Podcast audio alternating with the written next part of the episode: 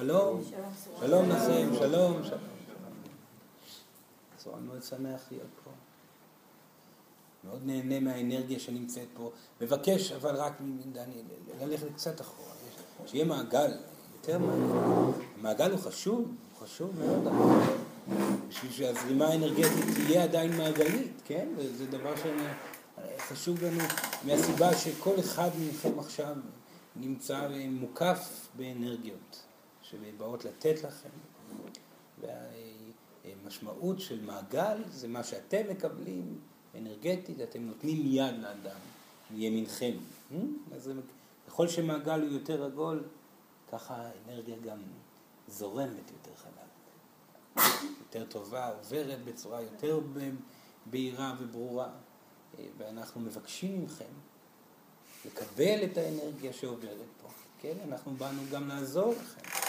לא באנו פה רק לדבר שיחה עם סורן, כן?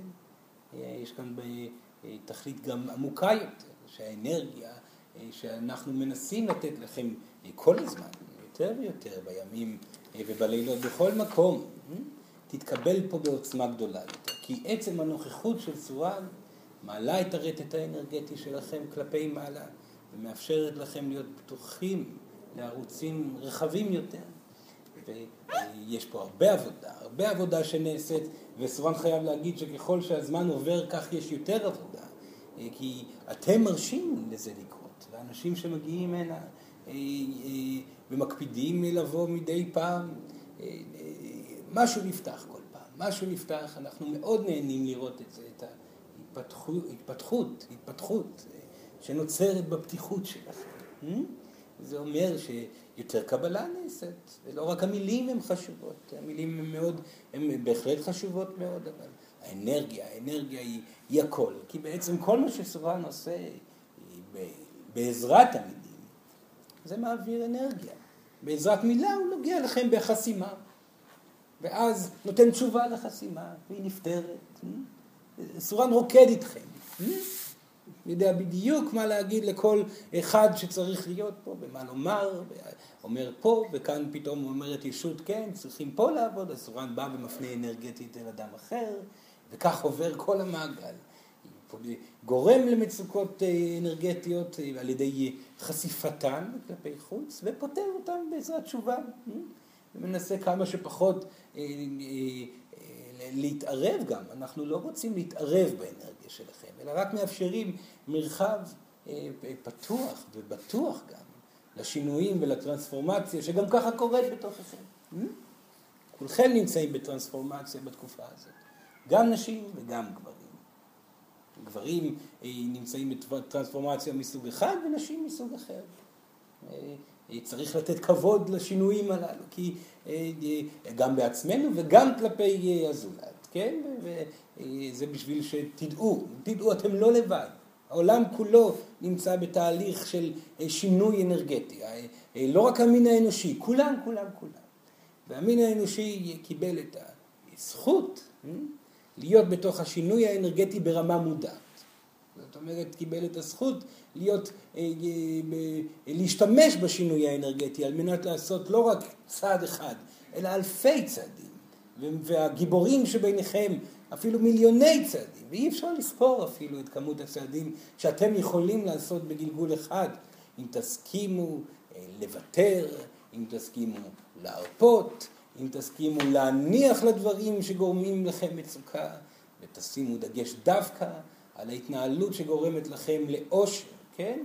זה בסופו של דבר זה כל מה שסורן מדבר, על איך, איך לגרום לכם כאנשים, כבני אדם, להניח את אותם, אה, אה, אותם אה, נקרא לזה מעגלים רפיטטיביים שעשיתם בגלגולים שונים וגם בגלגול הזה שגורמים לכם באופן קבוע לתחושות של חוסר נעימות וסבל ולבחור במעגלים אחרים חדשים שמקורם הוא מהרגש שלכם, מקורם הוא מהגבוה שלכם, ככה אתם מכנים את זה. למרות שסורן לא כל כך מסכים עם ההגדרה הזאת, כי בסופו של דבר כל המידע קיים בתוככם. וכל דבר שסורן יאמר פה עכשיו, אתם יודעים אותו. יודעים אותו, מתנגדים אליו עד כדי שכחה לפעמים, זה נכון. אבל בסופו של דבר, ובתחילתו של דבר, אתם יודעים הכל.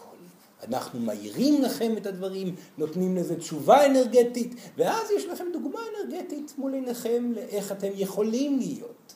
ואז אם תהיו מספיק אמ-, אמיצים, וזה רק תלוי בכם, זה כבר לא תלוי בנו הישויות, אלא רק בנשמות שלכם הנפלאות והמפותחות ביותר, לבוא ולהחליט החלטות, לפעול בקצב ובמשמעות המעשית שכל המהלך האנרגטי דורש מכם לעשות. זה המשמעות של כל המעגלים פה. היום סורן דווקא רוצה לבטא את כל התהליכים אה, ברמה הגברית דווקא, כן? שיהיה כאן תשובות, סורן רוצה לתת תשובות אה, לגברים הנהדרים שיושבים פה, כי אין ספק, אין ספק שיש אה, לנו, האנרגיה הגברית, גם סורן נמצא בה, כן? מאוד גאה להיות באנרגיה הגברית הזאת, למרות שבלי ספק האנרגיה הגברית בעולם החומרי שלכם לא הייתה במקום מאוזן ומדויק כבר תקופה ארוכה מאוד. וסורן יסביר על זה גם כן היום, על מה היה בעבר, מה גרם, מה נגרם, מה, מה הם התהליכים שהפכו את הגברים אה, לנשמות אה, בלי ספק אבודות אה, כבר אלפי שנים, שכמובן גם השפיעו על הנשים, זה לא, זה לא שנשים היו נקיות מהדבר הזה, גם נשים איבדו את האיזון שלהם, אבל עכשיו, בתקופה הזאת, שהנשיות מתחילה לפרוח, והיא פורחת היטב, אתם רואים את זה קורה. הנשים יוצאות מכל המחבואים שהם שמו להם ופורסות את האנרגיה שלהם ועושות עבודה מאוד יפה שבלי ספק הולכת לשנות את העולם. בלי ספק הנשים הנפלאות שמקיפות אתכם בעולם הזה, בתוכן טמון המפתח לריפוי העולם, חד וחלק. אישה היא ממש כדמותה שלהם, בלי ספק. והיא יוצרת יקום כמו אלוהים, יכולה לתת כמו אלוהים, יכולה להשתחרר מהכבוד שלה ולהגיע לגדולה, מה שאנחנו כינינו את זה בעבר, אתם לא חייבים לכנות את זה, את זה במילים הללו אה, אה, בתקופה הזאת, אבל אנחנו היינו מכנים את זה כהונה נשית. כהונה נשית, אנשים היו כהנות מבחינתנו, כן? אה, והגברים אל מול הנשים, הכהנות המופלאות האלה. שהן כל כך היו מופלאות אז, וסורן רואה את, את, את הגרעין הנשי מגיע לשם ואפילו יהיה גבוה עוד יותר, אפילו גבוה יותר מאז, סורן בטוח בזה. מול אותה שמש עולה נשית, אה? אנחנו, האנרגיה הגברית, מי אנחנו אל מול הכהנות? האבירים. סורן כתב ספר אה, בתקופת חייו השנייה, תקופה נפלאה, אבל הוא כתב ספר, שלא, כבר לא נמצא, אתם לא תמצאו אותו בכלל. לא נורא, אז רן יסביר על זה גם, למרות שזה לא... כתב ספר שהשם של הספר היה הכהנת והאביר. זה השם של הספר. כי אה, באמת אה, המטרה של, אה, שלנו, הגברים, זה להגיע אל אותה אבירות, אותה, אותה יכולת לקדש, לקדש, לקדש, לתת ללא פחד. להכיל את האנרגיה הנשית, להצליח לנוע בתוכה ומחוץ אליה, ובכל הזמן לסמן לה של אותה אנרגיה, אנרגיה נשית נפלאה שהכל בסדר, הכל בסדר, היא יכולה להגיע יותר גבוה ויותר גבוה ויותר, זה ממש, אפשר לומר שבשבילכם, או בשביל האנרגיה הגברית הקיימת בעולם החומרי, אפשר לומר שיש כאן ביטול עצמי מוחלט. אפשר לומר כך, וזה מצחיק, כי מהרבה בחינות המהלך הנשי הוא הפוך. האישה ביטלה את עצמה אלפי שנים למען כך שהגבר שלה לא יברח, נקרא לזה כך, או, של, או למען כך שהגבר לא יפחד ממנה, או לא יפחד להיות איתה, או לא יפחד ולא יעלים מתוך זה, או כל מיני תכונות מאוד לא פשוטות שיצאו מהאנרגיה הגברית. היא השתיקה את האנרגיה הנשית שלה, ולכן נשים הגיעו למקומות מאוד לא פשוטים, ודווקא באלפי השנים האחרונות, הנשים שדווקא כן היו אמיצות מספיק לבטא את עצמם, פשוט נרצחו. חד וחלק. מבחינה סטטיסטית, לא פשוט להגיד את זה, אך זה מידע שטמון בכל אנרגיה נשית. מסורן חשוב לו לומר את זה. מבחינה סטטיסטית, הדבר שהכי מסכן את האישה זה הגבר, זה מצחיק לחשוב את זה, כי הן אמורות להיות מאוהבים, מאוהבות בנו, הגברים, אבל אפשר להבין למה הן כל כך חוששות, אחרי אלפי שנים של, של כאבים אינסופיים שיצרנו אנחנו להם. צורה מדבר על האנרגיה הגברית. מבחינה סטטיסטית זאת עובדה. אישה שהיא הולכת לפגישה, שמה את עצמה בסכנה מאוד גדולה. אתם מבינים את זה? בתת המודע שלה. פגישה ועוד מבלי לדעת מי הוא הגבר? כי היא הכירה אותו בטלפון ובמחשב? מאוד לא פשוט להציב את האישה במקומות כאלו. גברים יקרים, אחרי גלגולים שלמים של אה, הרגשה לא, לא כל כך פשוטה, שכן גברים חנקו את האנרגיה הנשית. חנקו בצורה שיטתית את האנרגיה הנשית עד כדי אלימות פיזית ועד כדי אה, השתקה מילולית ואפילו לגרום לנשים לחשוב שהן משוגעות. כל זה האנרגיה הגברית עשתה. ואל תחשבו שאתם לא עושים את זה עדיין. זאת תהיה טעות, גברים יקרים. זאת תהיה טעות לעצום עיניים אל מול התחושות כאב של אנשים.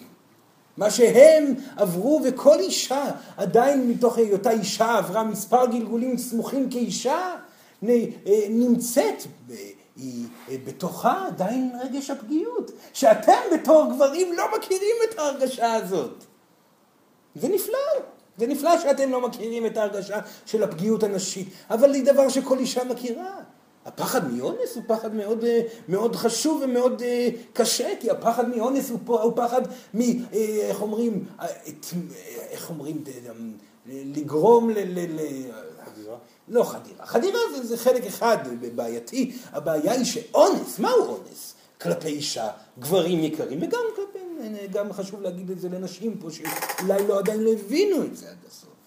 אונס זה בעצם לכלוך האנרגיה הנשית בצורה שמבחינת המודעות הנשית איננה יכולה להיפטר. אישה שחוותה אונס בחייה תרגיש תמיד טמאה, תמיד טמאה. ואישה שחוותה אונס בגלגולים קודמים עדיין תחווה בגלגול הזה את הטמאות הזאת, את חוסר הניקיון הפנימי. אני מרגישה לא טהורה, היא תגיד את זה. אני יודע שמעטות אנשים שחשות טהורות. וזה לא בגלל שהם לא חוו פגיעה מינית או, או, או ניסיון, כי כל אישה חווה את זה, במיוחד נשים יפות, אבל כל אישה חווה את האינטרסנטיות הגברית, ואישה אשר חווה אינטרסנטיות גברית, בסופו לא מדבר ברמה אקטיבית, ילדים, ממש לא, אפילו ברמה אנרגטית, היא כבר מקבלת מראה פעם נוספת על חוסר הניקיון האנרגטי שלה. אתם מבינים, גברים יקרים, מול מה אתם מתעסקים? איזו אחריות יש לכם בידיים כלפי הנשים המופלאות שלכם? כאישה שתגיע לשחרור הנשי המלא שלה, תגיע אך ורק על ידי זה שהיא תרגיש טהורה פעם נוספת. רק על ידי זה היא תוכל להגיע למקום הזה. הלכלוך הנשמתי מונע מהם להיות עד הסוף. כי בעבר כאשר הם היו עד הסוף העלו אותם על המוקד. מה זה אישה שהיא עד הסוף? זאת אישה יפהפייה, מושכת גם בגיל מאה, כולם רוצים אותה. ומדוע פחדו הגברים מנשים כאלו? כי גבר שהיה זוכה באישה כזאת, ולרוב זה היה באותן תקופות על ידי הגרלה מסוימת, או על ידי זה שהוא היה גבר עשיר יותר, ולכן היה יכול לזכות בנשים כאלו וכאלו, או בגלל הפחד של ההורים שחיתנו את האישה עם גבר אה, חזק וכוחני, אה, שבעצם אה, כלא אותה ומנע ממנה להיראות יפה ולהיות יפה, כי הוא פחד שגברים אחרים יאהבו אותה. זאת הסיבה. זה עדיין קורה, זה עדיין קורה. לא, אולי לא פה במעגל הנוכחי, שיש פה אנשים מאוד מפותחים. אבל ברוב העולם הזה, ניסיון להקטנת הנשיות מצד הגבריות עדיין קיים. איך זה קורה? איך זה הדבר הזה קורה? מאוד מאוד פשוט. כאשר גבר לא נוכח מול אשתו, לא מסור אליה, וכאן סובל מדבר בכל הרמות, ולא משנה אם הוא בוגד בה, זאת כבר חוסר מסירות. ולא משנה אם הוא מגיע הביתה אחרי יום עבודה ולא מוצא את האנרגיות לתת לה, וקורא אה, עיתון או רואה טלוויזיה כל הזמן, ולא משנה אם הוא מוותר לעצמו והולך למחשב במקום להיות איתו, איתה ועם הילדים, כל דבר שכזה שווה חד וחלק בשביל הנשים הנפלאות בתת המודע שלהם, שווה הם אינם רואים אותי, לא אכפת להם ממני. ואת זה תשמעו אצל כל זוג. הגבר הזה שאני כל כך אוהבת, לא אכפת לו ממני. ו- וכל הגברים יבואו ויגידו, זה לא נכון, אני, אכפת לי מאוד, אני אוהב אותך אהבה אינסופית. למה את חושבת שלא אכפת לי ממך? כי אתה לא עושה מה שאני מבקשת. כי אני מבקשת דברים ברורים והגיוניים, ואתה מתחמק מהם. ההתחמקות הזאת היא התחמקות אנרגטית, ילדים. וכן, נשים, זה חשוב גם לנשים שיושבות פה לדעת, שהגברים שנמנעים מנוכחות זה לא בגלל שהם לא רוצים להיות אה, נוכחים, זה בגלל שהם מפחדים ממשמעות הנוכחות, כי יש ויתור עצום בנוכחות הזאת. אבל אנחנו חוזרים אל הגברים עצמם.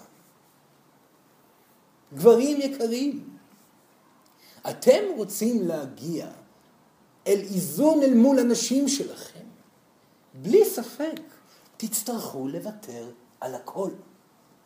מזורן מדבר על הכל, כי אין אביר שלא ויתר על הכל. על הצורך להיות לבד אה, תקופה ארוכה, על הצורך לנדוד בעולם ולזכות בעוד חוויות ועוד הרפתקאות, על הצורך להגיע ולכבוש מקומות גבוהים ולשים את זה כהדבר החשוב ביותר, על הצורך לכבוש עוד נשים. ולמה? למה תצטרכו לעשות את כל זה? לא רק בגלל הנשים שלכם, בגלל שהגבריות החדשה שאתם נמצאים בה, המהות העיקרית שלה זה לחוות עושר פעם נוספת. וגברים שחושבים שהם שייכים לאותה קבוצה גברית, מה שנקרא האנרגיה החייתית, וזה סורן שומע הרבה פעמים, סורן היקר, אני לא גבר כמו שאתה מתאר, אני גבר שמיועד להיות עם הרבה נשים.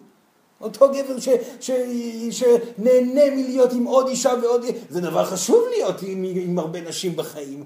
סורן גם מסכים עם זה. לפני שגבר יגיע להחלטה להתמסר לחלוטין לאישה אחת, כדאי מהרבה בחינות שהוא יהיה מסופק מלחוות נשים נוספות. אבל בסופו של דבר יש רק ריקנות בכך, וכל גבר יודע את זה. חוץ מההנאה המינית הנפלאה שכל אישה קדושה יכולה לתת לכם, בסופו של דבר נשארת ריקנות. ואשמה ותחושה של חוסר התקדמות. זה כל גבר רווק שהגיע לתקופת הגבריות שלו חש אותה. גבר שלא הגיע לתקופת הגבריות שלו, לרוב זה אומר שהוא עדיין רוצה לחגוג. הוא לרוב יחווה שהוא רוצה להתנסות בעוד נשים, וזה בסדר גמור. זה בסדר גמור. השאלה היא שאותו גבר צריך לשאול אותו, אה, את עצמו, וזו שאלה שכל גבר חייב להתמודד איתה, היא האם אני כבר מוכן להתמסרות ולקיחת האחריות והנוכחות המלאה שהגבריות הגבוהה שלי מבקשת. כי העושר שלכם, גברים יקרים, לא מגיע מתוך חופש. התקופה הזאת עברה. העושר לא מגיע מתוך לזכות במטרות. המטרות האלו, גם אם זכיתם באישה אחת יפה, או באחרת יפה, או אם הגעתם אפילו למקום גבוה ורחוק בייעוד שלכם, דברים יקרים זה לא מה שממלא אתכם, זה לא מה שממלא אתכם. היותכם אנשים חשובים, מוכרים, מצליחים, המטרה הזאת היא כבר לא המקור למלאות הגברית. בעבר זה היה מקור למלאות הגברית. בעבר גבר היה חושב שהוא מגיע אה, למקום הגבוה ביותר והמאוזן ביותר אם הוא מנהיג גדול, אם הוא סופר גדול, אם הוא זמר גדול, אם הוא איש עסקים גדול, עשיר עד אין סוף וכו' וכו'. זה כבר לא כך, ותשאלו את המצליחים ביותר. כי גבר ולא משנה כמה, וסורן לא מדבר על אישה. שימו לב, כאן זה הפוך. גבר לא משנה כמה הצלחות יהיו בחייו. אם הוא לא מצליח להתחבר לאנרגיה הגברית הגבוהה שלו, משמעות הדבר, אל האבירות שלו, אל הנוכחות המלאה אל מול אישה, אל לקיחת האחריות על הייעוד שלו ועל המשפחה שעל זה סורן הולך לדבר, גבר לא ירגיש מאושר. בעוד נשים, זה לא בהכרח נכון.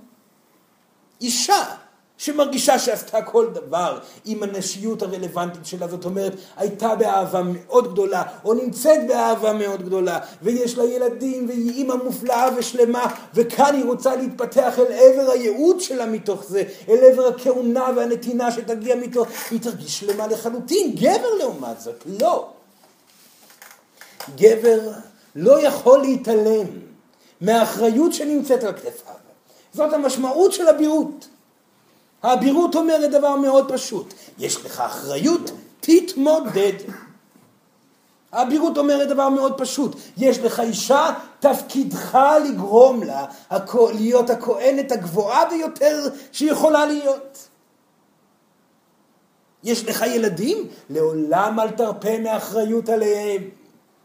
הכוונה, תמיד תספק לאנשים שסביבך, ולא משנה אם הם משפחה, או אם הם קבוצה גדולה מאוד של אנשים, כי ישנם אנשים שיהיו גם פה בחדר אחראים על קבוצה גדולה של אנשים יותר ויותר, מתוך הגבריות שלהם זה יגיע.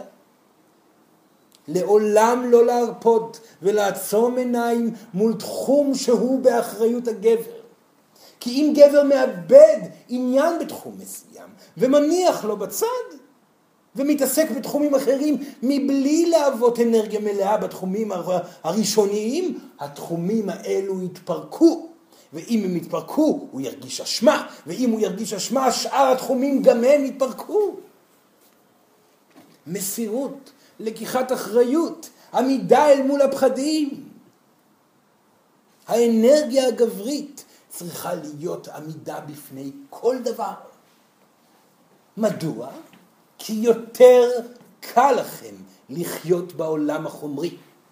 זאת אמת. גבר יותר קל לו לעשות את כל התנודות הרגשיות שסורן מדבר עליהן כל הזמן. וגבר יותר קל לו לעמוד אל מול הפחדים ולצעוק אני אתמודד. והמטרה של בשביל שאתם תהיו אבירים לכהונה ותוכלו לעמוד אל מול הכהונה הנשית ולא משנה איפה היא ולהגיד לאותה כהונה נשית הכל בסדר, אתן יכולות להיות רגועות, אני כאן, אני שומר עליכם.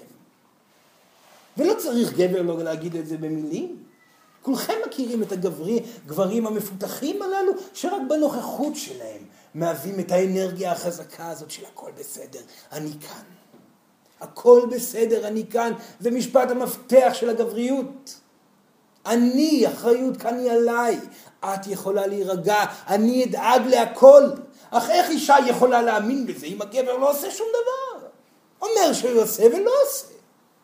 ואם גבר שכזה שאומר את המשפט הזה או לא אומר את המשפט הזה, נמצא שוב ושוב במקום שהוא לא מבטא את הגבריות שלו בצורה מלאה, האישה לא יכולה להאמין לו, ולכן מתחילה להיות ההתנגשות, וההתנגשות הזאת תמיד תמיד תהיה צודקת, כי הנשים שלכם, גברים יקרים, תמיד יראו את הנוכחות שבה אתם נמצאים, הן יודעות הכל. כל מה שאישה אומרת לבן זוג שלה, אם זה לא מגיע מפחד הפגיעות שלה, הוא צדק ונכון. נקודה. כן, תודה. אם אישה אומרת לגבר תעשה כך וכך וכך, היא צודקת. וגברים כדאי שתקבלו את זה. כי היא בעצם רואה את הפוטנציאל הגברי. ויש אמרה חשובה שסורן חייב להגיד שהיא אפילו כמעט כמו אמרת מפתח בשביל נשים, כמו שלגבר זה היה אה, אה, אה, הכל בסדר, אני כאן. לאישה יש אמרה אחרת חשובה מאוד, אני לא חייבת לחיות עם פוטנציאל. זאת האמרה הנשית. אני לא זקוקה, אה, אני לא חייבת אה, לאבד את עצמי בשביל, אה, בשביל לחכות על מנת שהגבר הזה יהפוך מילד לגבר. וזה נכון וחשוב. ואישה צריכה לדעת את זה. כי כאשר אישה בטוחה במשפט הזה, ויודעת את זה כאמת, ולא רק אומרת את זה לעצמה, אלא יודעת את זה במקום עצמו, אז הגבר יכול להתחיל לנוע לעבר גבריות. אבל שוב, אנחנו חוזרים אל גברים.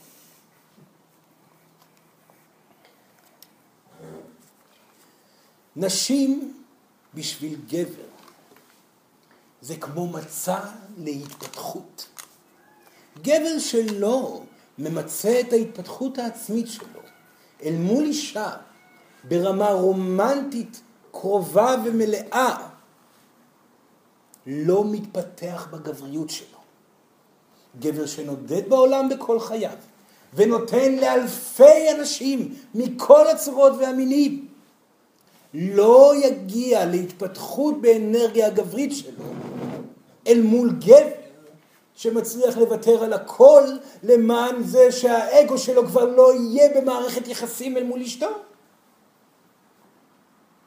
ההתפתחות שנוצרת בזוגיות לגברים בעיקר היא התפתחות יוצאת דופן, כי כל ניואנס של אגו מצד הגבר, הגבריות מתבטא מיד בהתנגדות אל מול הנשיות. הנשיות ישר מגיבה ואומרת לא, אתה עוד פעם חוטא לעצמך ואני עוד פעם נפגעת ממך. ואם גברים אוהבים את הנשים שלהם באמת, עליהם להחליט החלטה לבלוע לבלוע את כל האנרגיה התוקפנית שרוצה לצאת, את כל הילדותיות שמבקשת מכם הגברים לברוח למקום חדש, לבלוע את כל האלימות המילולית והפיזית שנוצרת מיד. את משוגעת, את לא יודעת, וכו' וכו' וכו' וכו', זה מילים איומות לנשים. כי המילה משוגעת משמעותה את אישה מכוערת. ואם גבר אומר את זה לאשתו, איבד לחלוטין את הגבריות. ואם גבר מכה את אשתו, אוי ואבוי. אם גבר בוגד באשתו, אוי ואבוי. בעוד, אל מול נשים, ברוב המקרים, בצורה נושא פה הכללה, כי ישנם מקרים שגברים כן צריכים לבגוד בנשים שלהם. כי אם האישה היא כל כך לא מסורה והיא בעצם האלמנט הגברי בבית, אז לפעמים גבר שוכח שהוא גבר, כי אנחנו, סורן חייב להסביר את הנושא הזה. עניין הבגידות הוא לא כמו שאתם רואים אותו מבחינתנו. אנחנו אומרים אה, הרבה פעמים לאנשים לבגוד דווקא. באמת. בעיקר לנשים. אם הגבר לא רואה אותך, את שכחת איזה אישה בכלל, אולי כדאי שיהיה גבר אחר שיעשה קצת משהו בעניין, יסביר לך עוד פעם מי את. אולי זה שהיא לא בוגדת בגבר שלה, היא בעצם בוגדת בעצמה, ועדיף שהיא לא תבגוד בעצמה. ומעטים המקרים שהמצב הוא הפוך. מעטים המקרים שהגבר הוא זה שצריך לבגוד. לא, כי מבחינת גבר בגידה זאת בריחה. מבחינת גבר בגידה זאת עוד פעם חוסר התמודדות אל מול הדברים שגורמים לו לא להימשך אל אשתו. מבחינת גבר בגידה זה בריחה מאחריות גברית אל מול כל הדבר שהוא בהחלט אחראי עליו כרגע. בגידה בגבריות היא בגידה בגבר עצמו שבוגד. וזה עליו לדעת. ואם עשה את זה פעם אחת, לא צריך להתייסר על זה יותר מדי. פשוט להחליט החלטה שלא יעשה את זה פעם נוספת. זה הכל, זה כבר, אה, תמיד אפשר לעשות טרנספורמציה. אז לא לדאוג לגבי זה. אם גבר הבין את העניין ומחליט כן להתמסר אל אשתו וכן להפוך אותה למאושרת ביותר, שם הדברים כבר השתנו שוב בצורה מלאה, בצורה מפתיח.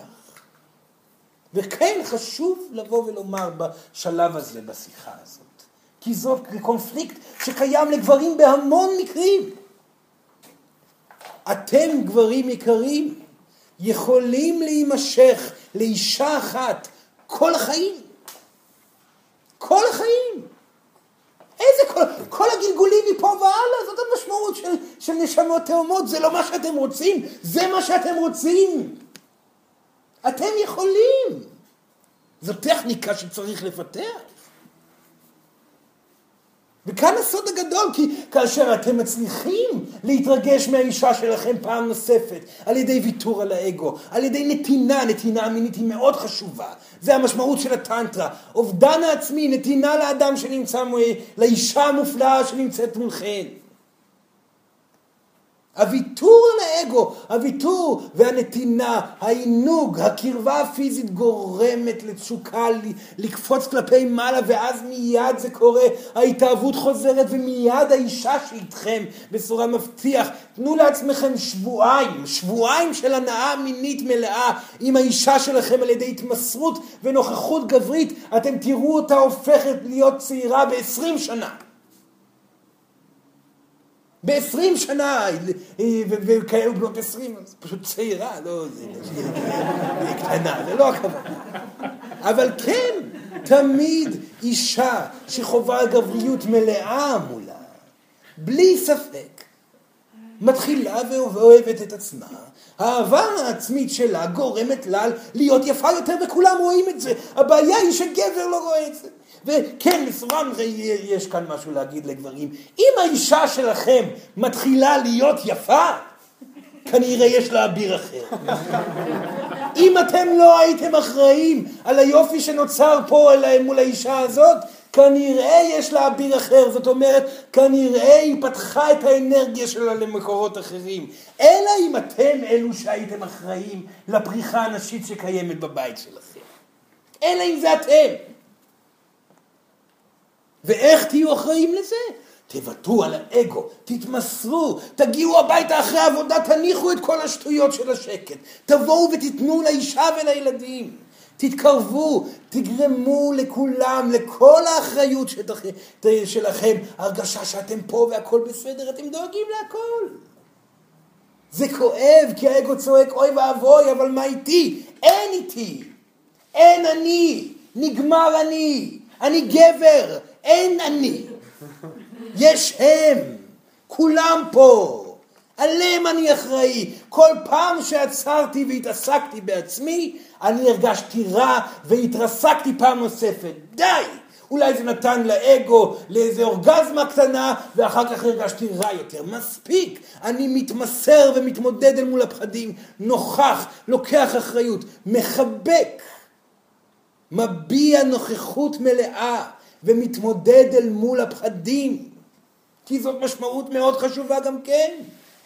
כי האמת היא שאם גבר לא מצליח לספק למשפחה שלו את הבסיס שיאפשר להם לפרוח, הוא מרגיש רע. אין גבר בעולם הזה שלא מצליח לספק את הדברים הבסיסיים למשפחתו שמרגיש מאוזן ומאושר. ממש לא. לכן קשה מאוד לסורן לראות את אותם גברים שאפילו בורחים מזה. וישנם גברים כאלה. שבזוגיות עצמה, מול המשפחה, נמנעים אפילו מה, מהאחריות הבסיסית של להביא למשפחה שלהם את מה שהם צריכים להביא. איך תביא אבי הגבר? מספיק שהגבר ייקח את האחריות הזאת ויגיד, זה האחריות שלי, אני אעשה את זה, אני אקח את האחריות, אני אה, הולך לפתור את הבעיה, אינני יודע איך, אבל אני אפתור. לוקח את האנרגיה שלו ואומר, הכל בסדר, אני אדאג לזה, והולך ומחפש תשובות ופתרונות, הוא כבר ירגיש גבר, הוא כבר ירגיש בעל יכולות ומיד יגיע פתרון, היקום יגיב לזה מיד. ברמה כלכלית, כן. ולא, בבקשה, לא לברוח, לא לברוח מכל התהליכים שאתם כגברים צריכים לעשות אל מול הפחד שלכם, אל מול הרצון להיות קרובים לנשים שלכם ולגרום להן להיות מאושרות, או אל מול הרצון להביא את השפע הנדרש על מנת שאתם תוכלו לראות את המשפחה מחייכת. והרבה פעמים זה אומר, זה לא אומר שאתם תרוויחו יותר מהנשים שלכם, זה לא אומר, בתקופה הזאת יהיו דווקא נשים שירוויחו יותר מהגברים שלהם, בלי ספק. אבל זה כן אומר שאתם, מבחינת החישוב הבסיסי שלכם, תוכלו להגיד, אני כן מצליח לשמור על הבית. זה שאשתי עושה את הכסף שלה, מצוין, שתלך לחגוג איתו, שתקנה דברים, שתשתולל עם הכסף. אני אחראי פה על הבית. זאת אנרגיה גברית מאוד חשובה, וכן היא דורשת ויתור, כי מה, אני אוותר על החלומות שלי? אני אוותר על החופש שלי בשביל לדאוג לאנשים האלו? כן, התשובה היא כן. כי אם לא תעשה את זה, אתה תרגיש רע, ואם תמשיך להתעלם מזה, אתה תרגיש לבד ובודד, ודברים איומים יקרו. וכך קורים הרבה דברים איומים, נוראים ואיומים. אז, הכוח להצליח גברים יקרים, נמצא בידיים שלכם. בהחלטה המודעת שלכם להניח לפחדים ולהיות בעשייה, להיות בנתינה, להיות ביצירה, להיות באקטיביות גברית שמגיעה מתוך השלווה שאתם החלטתם להרגיש בה, למרות שהמציאות לא בהכרח אומרת שהשלווה הזאת קיימת. וכן, גברים יקרים, מתוך ההתמסרות לנשים שנמצאות איתכם, מתוך הפיכתן לנשים מופלאות, שם אתם תרגישו נפלא. אך אם יש אישה, וסורן יגיד בסוגריים, שלא מוכנה לקבל ממכם, זה כבר נושא אחר. אם אתם כגברים נמצאים בזוגיות אל מול אישה שלא מוכנה היא להתמסר, זה כבר תחום אחר. תתמסרו, תיתנו, תהיו בנוכחות מלאה. אם היא תברח, זה אומר שהיא פוחדת היא עצמה מלהתפתח בנשיות. כי מה קורה לזוגות שכאלו, כאשר גבר הופך ונהיה אה, אביר, כמו שסורן מדבר עליו? אז זה מיד אומר שהאישה גם היא צריכה להפוך להיות כהנת. ואם היא מפחדת מהכהונה עצמה, היא תתחיל לברוח, ואם היא בורחת, עשיתם את שלכם. טוב מאוד, לא קרה כלום. אם עשיתם הכל ונתתם ואהבתם והבטחתם והייתם נוכחים במאה אחוזים והיא ברחה כי היא לא מצליחה להתמודד מהמשמע... עם המשמעות של היותה אה, אה, פורצת לעבר כהונה, זה אומר שיש אישה אחרת בדרך. וזה אומר אולי שאתם תחזרו פעם נוספת לתקופת הרווקות. מצוין.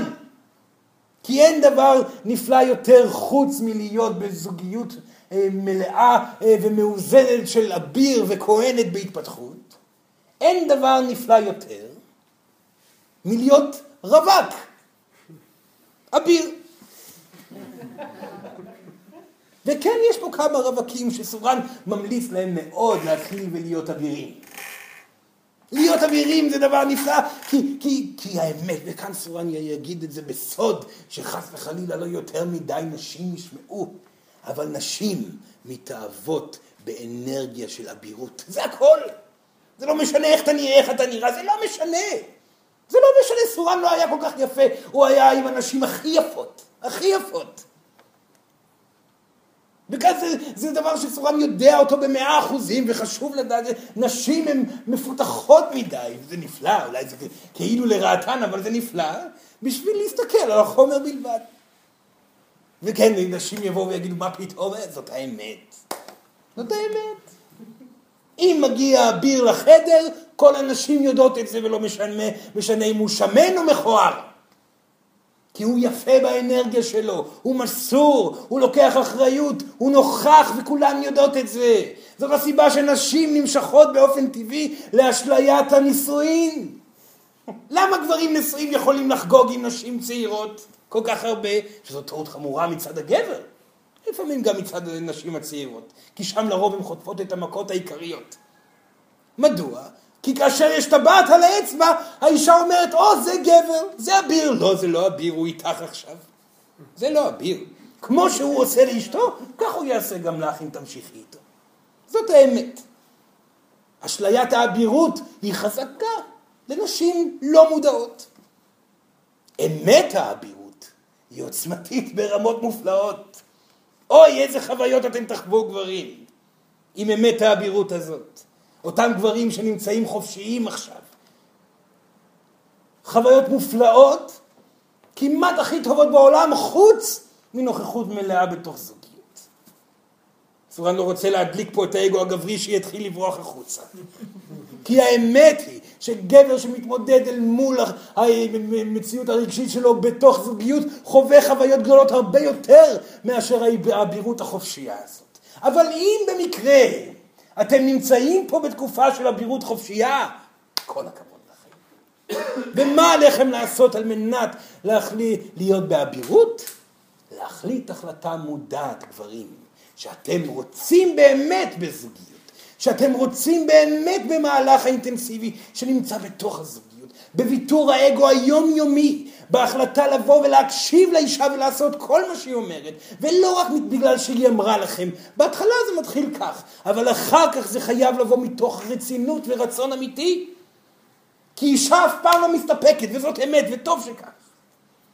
לאחר שאתם תתחילו לעשות כל מה שהיא אומרת, היא עדיין תהיה מאוכזבת. ומדוע ידיים ורגליים בבקשה? כן, גם... ומדוע היא תהיה מאוכזבת? בגלל שעכשיו היא תרצה שאתם תוכלו לעשות את הדברים מבלי שהיא אומרת. וזה כך ימשיך גם הלאה, אחרי שתצליחו לעשות את כל הדברים מבלי שהיא אומרת, היא עוד תחשוב דבר אחר, והיא צודקת. וכל החיים המשותפים היא עדיין תהיה צודקת. ובכל פעם ההתנגדות הגברית תבוא ותגיד לא, לא, לא, לא. אני לא מוכן, היא מגזימה. לא, היא צודקת, אולי היא מגזימה בביטוי, אולי היא מגזימה בחדות שהיא אומרת את הדברים, אולי היא פועלת מתוך פחד, אבל המילים, אם ננקה אותה מהאנרגיה המפוחדת שהיא אמרה, המילים צודקות לחלוטין, נקודה. והגבר שירוויח אבירות הוא זה שייקח על עצמו את האחריות בכל פעם ויגיד בסדר, אז עכשיו היא רוצה שאני אדע לעשות את הדברים מבלי שהיא אומרת, אז אני אעשה את זה. אני לא טיפש, אני יכול לזכור שפותחים את הארון אז גם סוגרים אותו, ולזרוק את הפח פה ושם, ולפתור את הבעיה הזאת והזאת והזאת והזאת. אני לא טיפש, אני יכול לזכור את זה ואני אעשה את זה לבד, למרות ובגלל שזה ויתור על הזמן האישי שלי והפרטי והחופשי שלי. שלמות גברית, נוכחות מלאה בבית, עקרת בית. Hmm? קבלו את זה כבר. עקרת בית. זה לא יגרום לכם להיתקע. אתם תהיו מאושרים. והאושר שלכם יפתח דלתות שלא דמיינתם בייעוד שלכם. האיזון בבית ייצור משפחה מאושרת והילדים יגדלו בריאים סוף סוף. אתם לא חוויתם את זה, לפחות רובכם. מה הכוונה של לחיות בזוגיות אמיתית שקיימת בבית? לא אבא שבורח כל הזמן, ולא נוכח, ו- ונמצא כל הזמן בכל דבר אחר חוץ מלהיות עם המשפחה ו- ועם האישה והילדים. אתם לא חוויתם את זה, כי הדור הקודם הוא דור קשה מאוד, הוא, הוא דור שהיה עם פעולות והתמודדות מול אגו מאוד אה, גדול, אבל הילדים שלכם כן דורשים את זה מכם. והרבה פעמים, כאשר זוג מנסה להיכנס להיריון ולא מצליח, הסיבה היא בגלל שההורים לא הגיעו לרמת אבירות וכהונה מספקת. כי הילדים, הנשמות שמגיעות עכשיו, לא מוכנות להיות בזוגיות בלתי מפותחת. תקבלו גם את זה. לכן מחכים תקופה ומנסים לעשות ילדים ומנסים ומנסים עד שמרפים ומתחילים לאהוב אחד את השני ומתקרבים ומתמסרים וכך קורה פתאום ובבת אחת יולדים ילד. זה קורה הרבה מאוד פעמים, כאשר הגבר מוותר על החופש ומתחיל ומוצא את המסירות המלאה.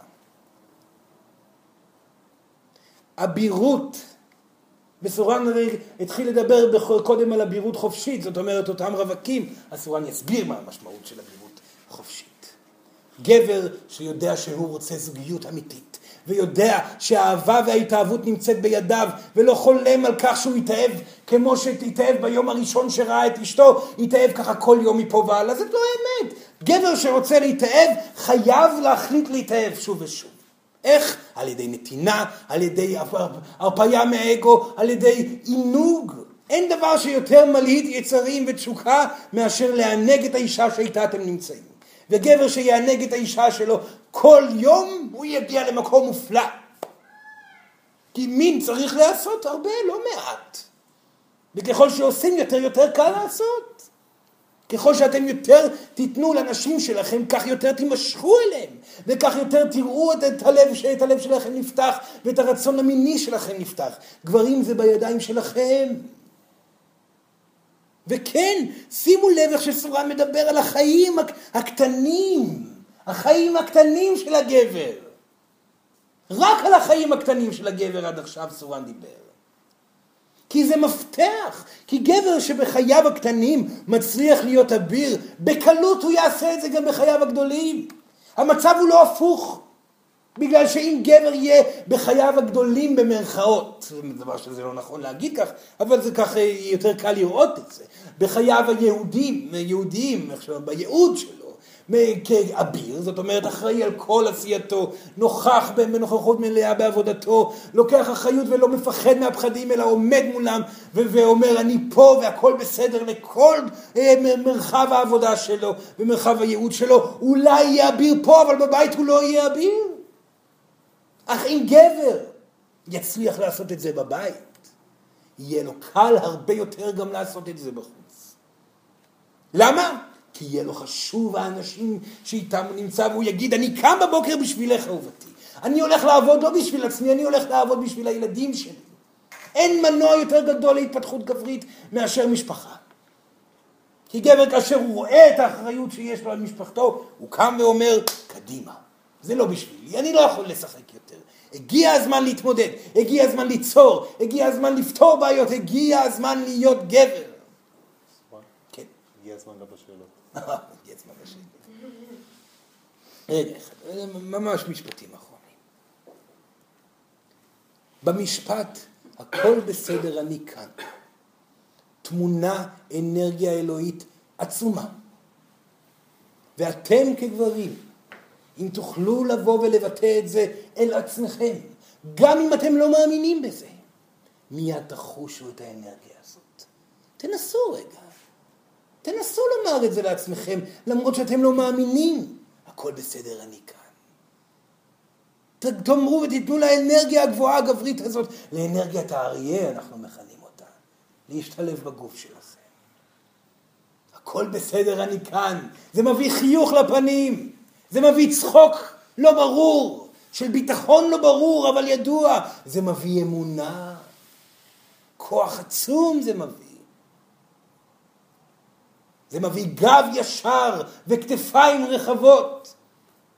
וידיים שרוצות לדפוק על החזה ולצעוק בקול גדול, הכל בסדר, אני כאן.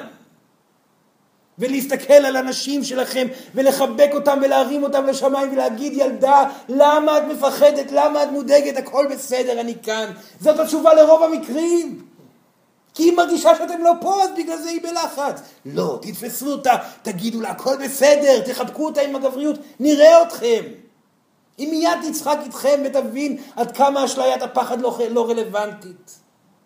כי תפקידנו כאבירים זה לגרום לעצמנו כגברים ולנשים שלנו כהומנות להבין שהכל אשליה.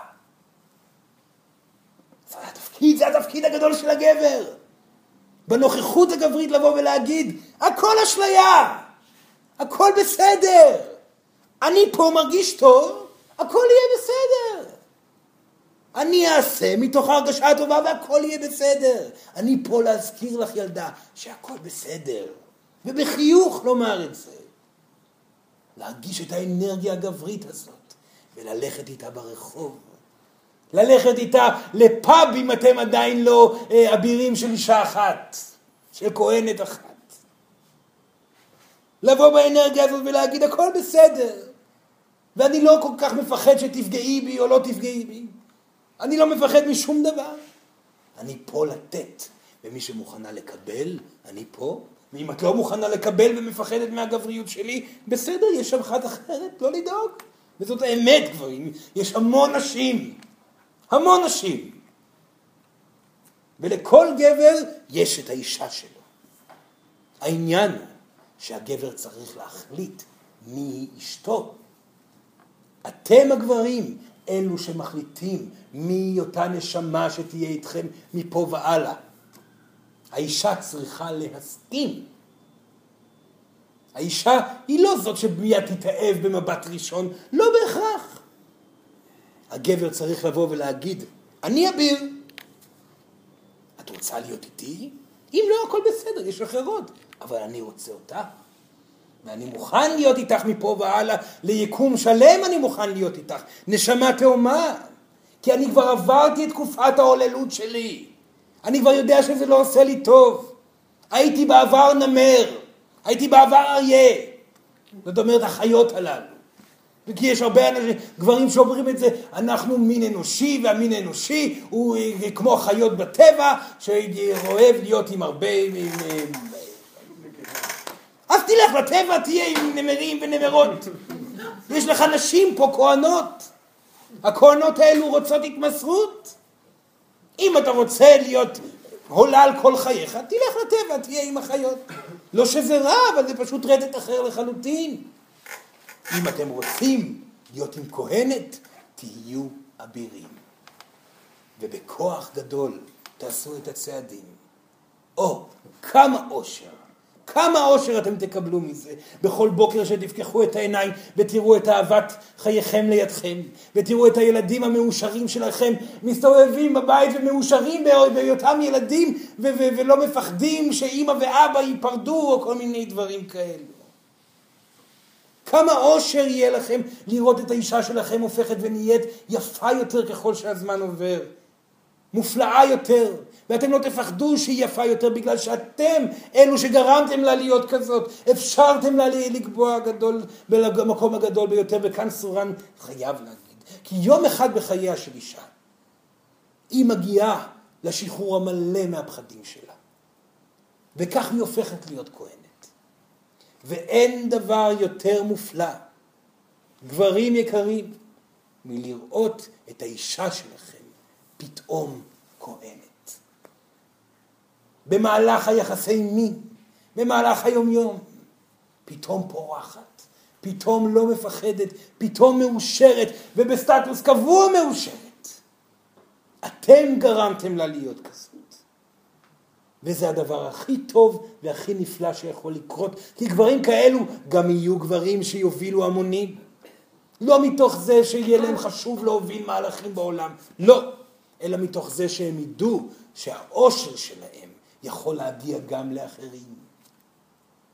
זה תלוי רק בכם, וצריך לעשות ויתורים גדולים. מסורן יודע שיש לכם את הכוחות. כי ממש כמו שאנחנו, העולם כולו, צריכים את הנשים המפותחות. כל אישה מפותחת צריכה את הגבר המפותח שיוכל להביא לה את הבסיס לבוא ולצמוח. יהיו הגבר הזה. אין דבר יותר נפלא. כן, שאלות. תודה, תודה, תודה. לשאול, לשאול, לא לפחד כבר. כן, כן. האם בטוח שבכל הגלגולים הקודמים הייתי גבר? הגלגולים הם דבר שאי אפשר לכנות אותו משהו שהוא קבוע. זאת אומרת, כולכם הייתם גברים ונשים. כולכם. העניין הוא הרלוונטיות הגלגולית. הגלגולים הקודמים, הקרובים והסמוכים לגלגול הנוכחי, הם גלגולים של רלוונטיות לגלגול הנוכחי. זה לא קשור לזמנים, ממש לא. זה קשור לכך שאל מול הדילמות שבחרתם להתמודד איתן ברמה הרגשית בנוכחות בגלגול הקיים, צריך להיות משהו שיאותת מגלגולים נוספים. לכן ברוב המקרים, גברים אשר היו, אה, אה, שנוכחים פה עכשיו, היו מספר גלגולים סמוכים כגבר. ואישה אשר נמצאת פה עכשיו, הייתה במספר גלגולים סמוכים אישה. אבל זה לא אומר שלא חוויתם גם את הנשיות. האמת שגם סורן אמר את זה בעבר, וזה משהו שמאוד חשוב לבוא ולהגיד את זה פעם נוספת. הגברים שדווקא חוו, חוו את האנרגיה אה, הנשית בגלגול סמוך, הם לרוב הגברים המצ'ואיסטים ביותר והתוקפניים ביותר. כי בעצם הם חוו גלגול של נשיות פגועה, ומפחדים פחד מוות מהדבר הזה. חוויית הפגיעות בנשיות גרמה להם להיות מצ'ואיסטים עוד יותר. וזה דבר שלרוב קורא לזה מצחיק, כי דווקא האנשים עם הזקן הגדול, צועקים ו- וזה, ומכים ומשפילים, והם לרוב היו נשים מאוד מוכות ומושפלות בגלגול הסמוך. אבל בזה, זה, לרוב, רוב הגברים פה שגבריותם היא מאוזנת, בלי ספק היו גברים גם בגלגולים קודמים. הכל ברמה האינטואיטיבית, זה בזה אמת, יש לי רק איזושהי סתירה אחת, שתי סתירות למעשה. כן, הסתירה כן. הראשונה שמבחינתי, המאמץ העיקרי שלי כגבר הוא בעצם לצמצם את האגו ולהיות בביטול עצמי. כן. ולבוא ולבוא ולומר, אני כאן, הכל בסדר, עלול קצת אה, להעלות את האגו. זאת הסתירה הראשונה, שהייתי שמח אם היית ככה... נפלא, כן. הסתירה השנייה היא מהצד השני. אה, אם בעצם העושר שלי, כי בסופו של דבר אתה אומר לי, הגבריות החדשה אה, צריכה לחוות עושר, והעושר בשבילי בעצם תלוי באשתי. כן. אז אה, אני יודע לפחות, או בניסיון שלי, שברגע שאני תלוי במשהו, נאחז במשהו, רואה את העושר שלי תלוי באיזשהו אובייקט ולא משנה מהו, זה תחילתו של הסבל הבא. מצוין, מצוין. שאלות נפלאות. הן גם קשורות אחת לשנייה בצורה מאוד מאוד ברורה. Hmm? מה הכוונה? דבר ראשון, זה נכון שהגבריות תחווה יותר ויותר עושר על ידי אובדן האגו. העניין שכאשר גבר באמת תלוי באדם אחר על מנת להיות מאושר, זאת אומרת שהוא עדיין לא עשה ביטול מלא לאגו בתחום הזה. המשמעות של הכל בסדר אני כאן היא משמעות של את כואבת ומסכנה בגלל דברים שאת חווית ובלבולים שיש לך בתודעתך או כל דבר אחר, ואני פה, הכל בסדר. ילדה, הכל בסדר. את רק צריכה לבטא רגשות, הכל בסדר. תבכי קצת. אנחנו נתמודד עם הכל, אני פה. הכל בסדר. הוא לא הכל בסדר, אגו לשמיים. זה הכל בסדר, אני כאן. אני כאן איתך. אני לא בורח ליקום כי הכל בסדר. זה לא חוזק שיביא אותי למקומות חדשים. לא, זה הכל בסדר. אני כאן כי החיים הם פשוטים. וכל עוד אני מאושר באמת הכל יהיה בסדר. וכאשר גבר מושפע מהאישה שלו, שכועסת וצועקת ועושה בעצם בדיקה עצמית, ורואה שהוא היה דווקא מדויק, כי הוא עשה את כל הדברים שנאמרו בתוכו לעשות, ועשה את כל הדברים שהיא אמרה לו לעשות, והוא נקי, הוא מדויק לחלוטין, והיא זאת שסובלת. הדבר שהכי יעזור פה לעזור לה, זה לעשות את ההפרדה האנרגטית ולהגיד זאת היא וזה אני. יש הפרדה גדולה בינינו. חייבת להיות הפרדה בזוגיות. באופן כללי, אנרגיה אחת, אנרגיה שנייה. ומתוך זה לבוא ולהגיד, הכל בסדר, ילדה, אני פה, את לא לבד. אני פה. תבכי אם את רוצה, תשחררי את זה. אבל אני פה, והכל יהיה בסדר מחר. אין פה אגו במשפט הזה. ויותר מכך, כאשר גבר מבטא את המשפט הזה, הוא מבטא ניתוק מהאנרגיה שקיימת מולו. וזאת המשמעות הגדולה. לא להיות מושפעים, להיות משפיעים בכך שאתם באמת מדויקים. הבעיה היא זה גבר שלא עושה את הדברים ובגלל זה גורם לאשתו להיות מתוסכלת ואז בא ואומר הכל בסדר, אני כאן, אתה לא פה. מה אתה משקר? אתה לא פה. כואב לי, אתה לא רואה, אתה לא פה. אם הגבר בודק את עצמו ואומר, באמת הייתי מדויק, כאן יש לו זכות לבוא ולהגיד הכל בסדר, אני כאן. וכאן ישנה הפרדה אנרגטית מלאה. ברור. כן. שאלה. כן. אז לבחור את האישה שלי, כן. כבר עשיתי. ולהתמסר אליה התמסרות מלאה, התמסרתי. כן. אה, ביטול עצמי, הכל, כל מה שאני ביקשתי מעצמי וכל מה שהיא ביקשה ממני, זה נגמר בגירושים מאוד קשים. כן.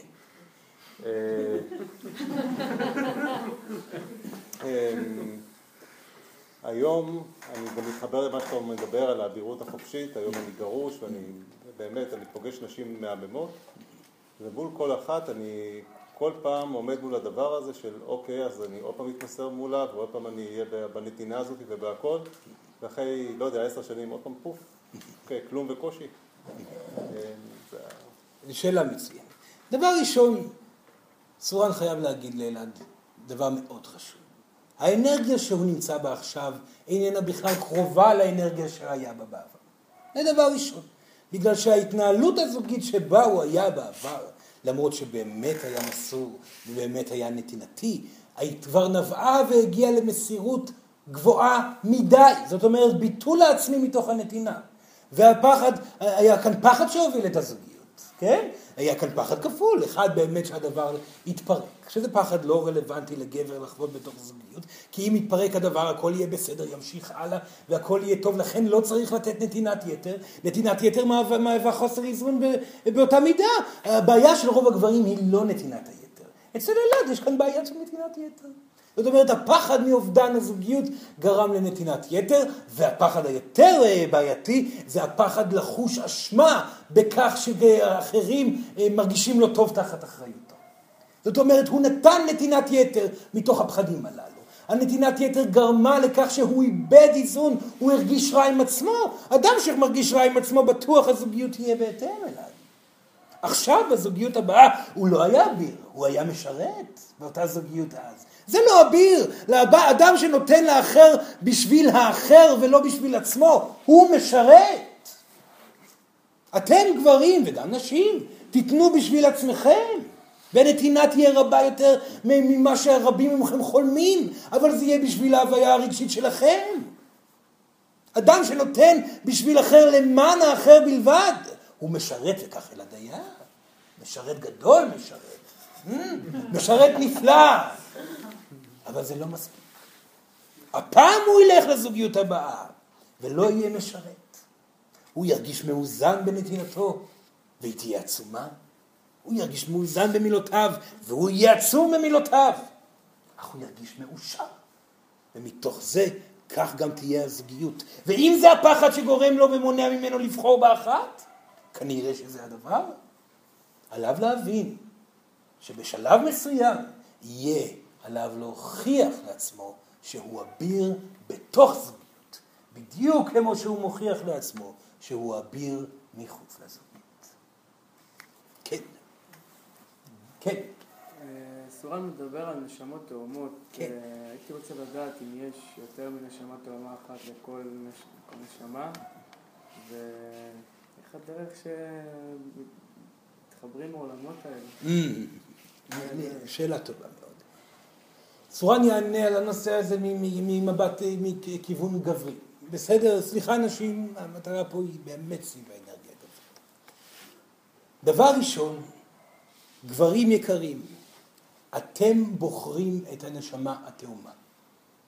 האישה היא זאת שצריכה להחליט עליכם כראויים. הבחירה היא שלכם. כל אישה יכולה להיות האחת. כל אישה. כשיש גבר ויש אישה זה מתאים, זה מתחבר. האמת שגם גבר וגבר, ואישה ואישה, זה לא משנה. זה בחירה. האנרגיה הגברית מתוך הזוג היא זאת שתצטרך להחליט, זאת תהיה אהבת חיי. לא מתוך זה שאני מפחד שהיא לא תהיה, או מתוך נזקקות שאני חייב אהבה, זה, זה, זה באותו רמה משרת, לא, אני בוחר לתת כי אני יודע שאני אהיה מאושר, ואני רואה בה את כל מה שאני צריך בשביל ההתפתחות האישית שלי. זה משהו מאוד במרכאות אגואיסטי ואישי שגבר צריך לעשות בבחירת אהובתו. וכך הוא בא ובוחר. העניין הוא שלמרות שיש הרבה מאוד אפשרויות לבחור מהם, יש רק אחת שתסכים לשחק את המשחק עם האביר. והיא בהכרח תהיה אישה בעל רטט דומה לאבירות שבה הגבר נמצא. בגלל זה האחריות פה היא על האביר. לבוא ולסמן לאותה אישה, את יכולה להיות כהנת, ואני אדאג לכך שתהיי כהנת. וכאשר ישנה בחירה משותפת, נוצר מסע הנשמות התאומות. אתם בגלגול הנוכחי בוחרים נשמה תאומה. נשמה תאומה איננה הגיעה מגלגול קודם, זאת עובדה. כי אם הייתה נשמה תאומה, מהרגע הראשון שהייתם יוצאים והייתם מוכנים לזכות באישה מתאימה, היא הייתה מופיעה והייתם מכירים אותה כאילו שאתם מכירים את עצמכם. אתם לא חוויתם את זה עדיין. אתם תחוו את זה בגלגולים הבאים אם בכלל, או תחוו את זה מפה והלאה בכל המסעות שלכם. גברים בוחרים נשמה תאומה, האישה מסכימה להיות נשמה תאומה. וכאשר נוצר חיבור כזה, שהאלמנט העיקרי שלו זה לא קסם וחלומות בהקיץ כל החיים, ממש לא. האלמנט העיקרי שלו היא עבודה משותפת למען התקדמות והתפתחות אל מול האגו של כל אחד מהנוכחים. וכך נוצרת נשמה תאומה. מדוע? כי ככל, ככל שהזמן עובר, אתם פועלים ועובדים על עצמכם יותר ויותר, ומתאהבים יותר ויותר. הגבר שם בצד את האגו ומתמסר, הופך ומקשיב לאשתו יותר ויותר, ונותן לה יותר ויותר, ומתאהב בה יותר ויותר, ומענג אותה יותר ויותר, וההתאהבות גדלה. לא כמו האהבה שהכרתם עד עכשיו, שהיא אהבה שהתחילה בגדול ונוחתת למטה בקצב מהיר, ממש לא, הפוך. התאהבה מתחיל, התאהבות מתחילה בגדול, ואז היא גדלה וגדלה וגדלה על ידי פתרון של כל גורם ואגו שנמצא בתוך הזוגיות. והרבה מאוד פעמים המשקל יהיה על כתפיים של הגברים. לרוב. זה יהיה עוד פעם אתם שטעיתם, ועוד פעם אתם שברחתם, ועוד פעם אתם שחמקתם וכל דבר אחר. לכן אין ספק שהעבודה היא גדולה מאוד בשביל הגברים. נשים, אחרי שתעשו כל פעולה כזאת, תאהב, תאהב ויאהבו אתכם הרבה יותר מאי פעם, וכך גם, גם יהפכו להיות יפות יותר ויותר, וכך הנשמה, אה, אה, אה, התאומה נוצרת. זאת אומרת שיש כאן שני אלמנטים. כן, בחירה מצד אחד, וכן, מצד שני, הזמן והמקום המושלם. לכן יש נשמה אחת תאומה. ואם תצליחו להיות איתם בגלגול הזה ולהגיע לאהבה עצומה, אתם תמשיכו גם לגלגול הבא, למה לא? יש לכם עוד לאן להתפתח. ואם לא תחליטו, אם תחליטו להשתחרר כנשמות ביחד לאהבה גדולה ביקום ולטייל ביחד, זכיתם גם כן. כל אחד בתהליך שלו. מה שבטוח שנשמות שעובדות ביחד, מתפתחות ביחד, מתאהבות יותר ויותר ונוצרות והופכות להיות נשמות תאומות. נשמה תאומה זה על הכתפיים שלכם. Hmm? כן. כן. שנתינה והתמסרות אה, היא באה ממקום של, אה, של גבריות ולא ממקום של, אה, של פחד, של נתינת יתר? כן, כן. שאלה טובה. אני מסתכל, אני מסתכל על, עצמי, אני רואה שהרבה פעמים יש לי, יש לי פחד מול הצד השני, פחד שיעזבו אותי, שלא יאהבו אותי, פחד להיפגע. זה משהו שאני מתמודד איתו. יחד עם זאת, אני כן, כן רוצה להתמסר ולראות שנתינה, תמיד כשאני בנתינה זה עושה לי טוב. אבל לפעמים נראה לי שאני נותן מהר מדי, אולי יותר מדי. וקשה לי לשים אה, אולי את האצבע איפה זה מפחד ואיפה זה... אז דבר ראשון, לא לחשוב על מהר מדי או יותר מדי. אין בזה סכמה קבועה. ישנם אנשים שאומרים, כן, לא לתת בדייט הראשון, לא לתת... יש שם בסורן שמע כל מיני... זה לא נכון. אין פה חוקים. הגבר, כאשר הוא לא מפחד, הוא מאוזן. לכן ההתמק... ההתמקדות צריכה להיות לאותו גבר שהופך ונהיה אביר במפגשים עם נשים, צריכה להיות על הרגשותיו שלו עצמו. זאת אומרת, איך אני אינני יוצא מאיזון. הכוונה היא איך אני יכול להיות אל מול אותה אישה מרשימה ומופלאה מבלי להפוך להיות מפוחד שהיא תפגע בי. מבלי לפחד מהמשמעות של הכאב שיבוא לאחר מכן אחרי שהיא לא תרצה אותי. הכוונה היא כל הזמן התבוננות עצמית ולבדוק שוב ושוב שהרגש נמצא מאוזן אל מול האישה שאותה הוא בחר איתה להיות בפגישה הנוכחית. איך? מאוד פשוט. במקרה שהוא מפחד מלהיפגע, וזה המקרה שלו, ולהינטש, ולשוב לחוות אכזבה, ושלא אוהבים אותו ולא רוצים אותו, שיגיד בסדר, אז לא אוהבים אותי ולא רוצים אותי. אז אני אפגע ממך פעם נוספת. אני אפגע, לא נורא, אני אתמודד. אני לא משתנה עכשיו, אני אהיה אני עצמי. מה שאני מרגיש לי שטוב לעשות, את זה אני אעשה. אם אני אתן לך קצת להרגיש טוב ומאוזן, זה מה שאעשה. אם אני רוצה עכשיו לשתוק, כי זה גורם לי להרגיש טוב מולך, אני אשתוק. אם זה גורם לי לחייך, עושה לי טוב לחייך ולקחת אותך לרקוד, אני אחייך ואקח אותך לרקוד, אבל אני לא אעשה דברים שנובעים מתוך הפחד להיפגע, ואני לא אצלצל בטלפון אם אני מפחד להיפגע, ואני לא אשלח הודעה בפלאפון שלכם אם אני מפחד להיפגע. לא, לא, אני לא מבטא את האנרגיה הזאת. עדיף שאני לא אעשה כלום עד שהפחד מהפגיעות ייעלם. כך עליו לחשוב. שוב ושוב. ושם במפגש עם האישה לומר, כבר בהתחלה היא הולכת לפגוע בי.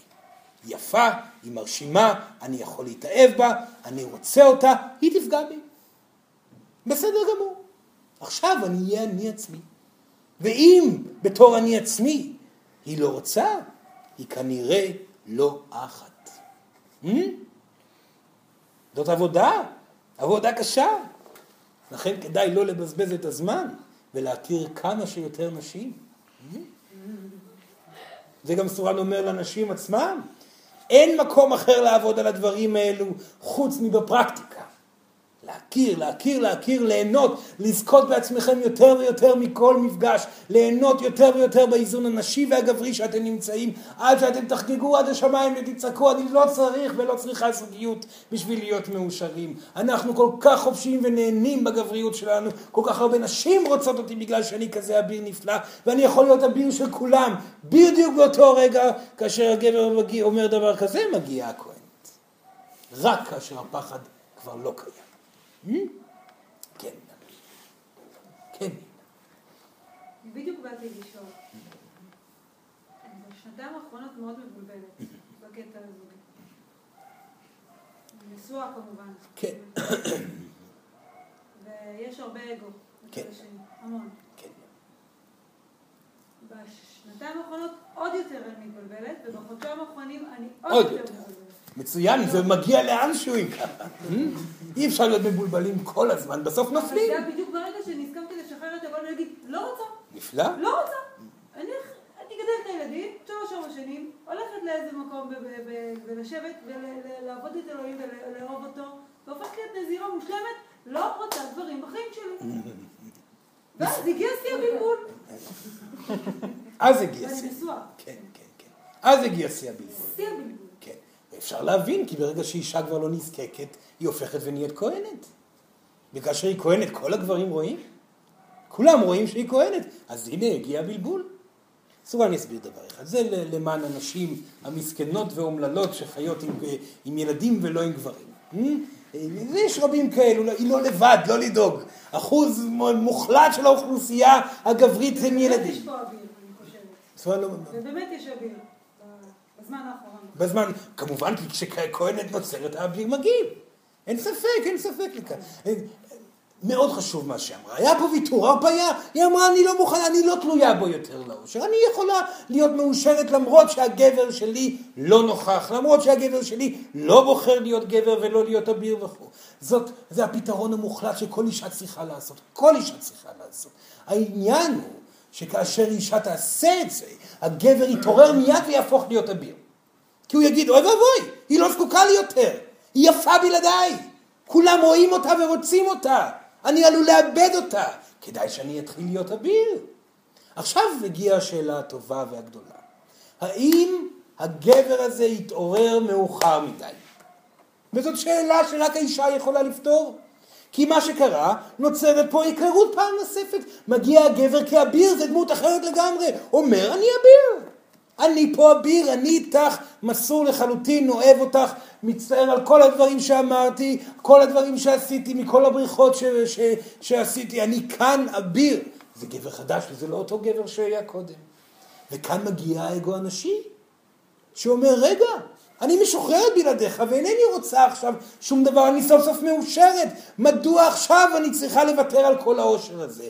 היא לא תוותר על העושר.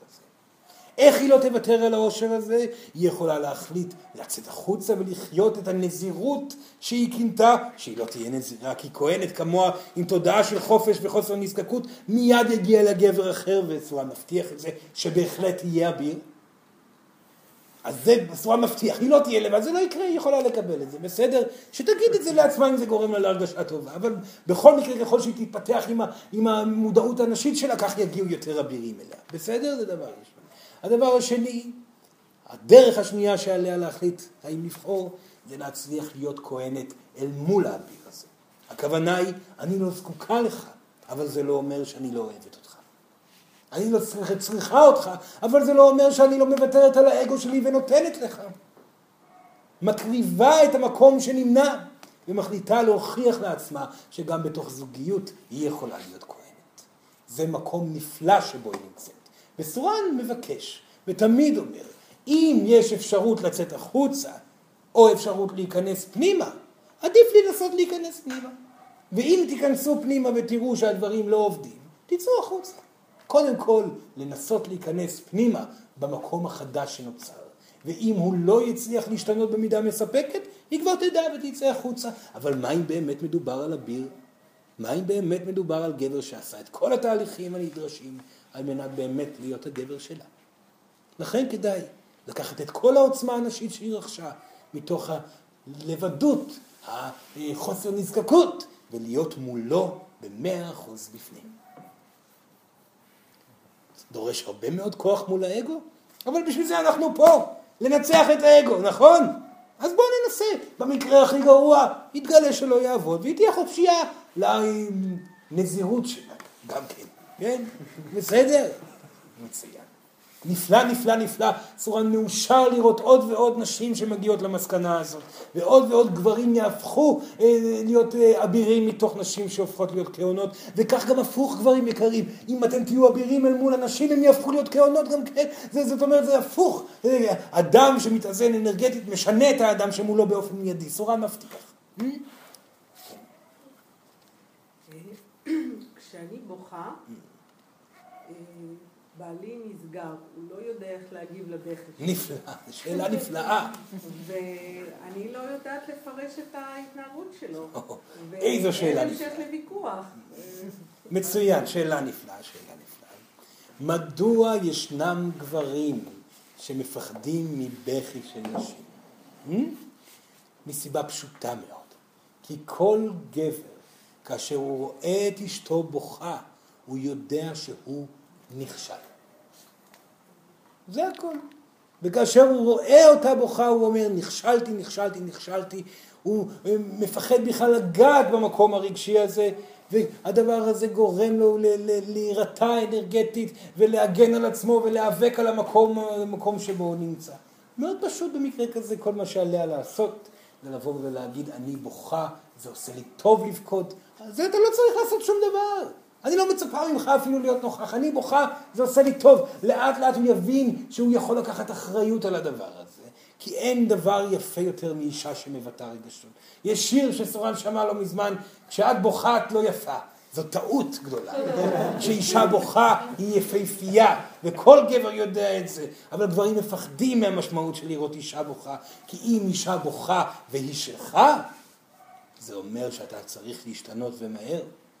ואם אישה בוכה והיא בחוץ, אפשר להגיד לה שהיא לא יפה ולנסות לנחם אותה, ואז היא תהיה שלך, ואז היא תבכה ותצטרך לקחת את האחריות בכל מקרה.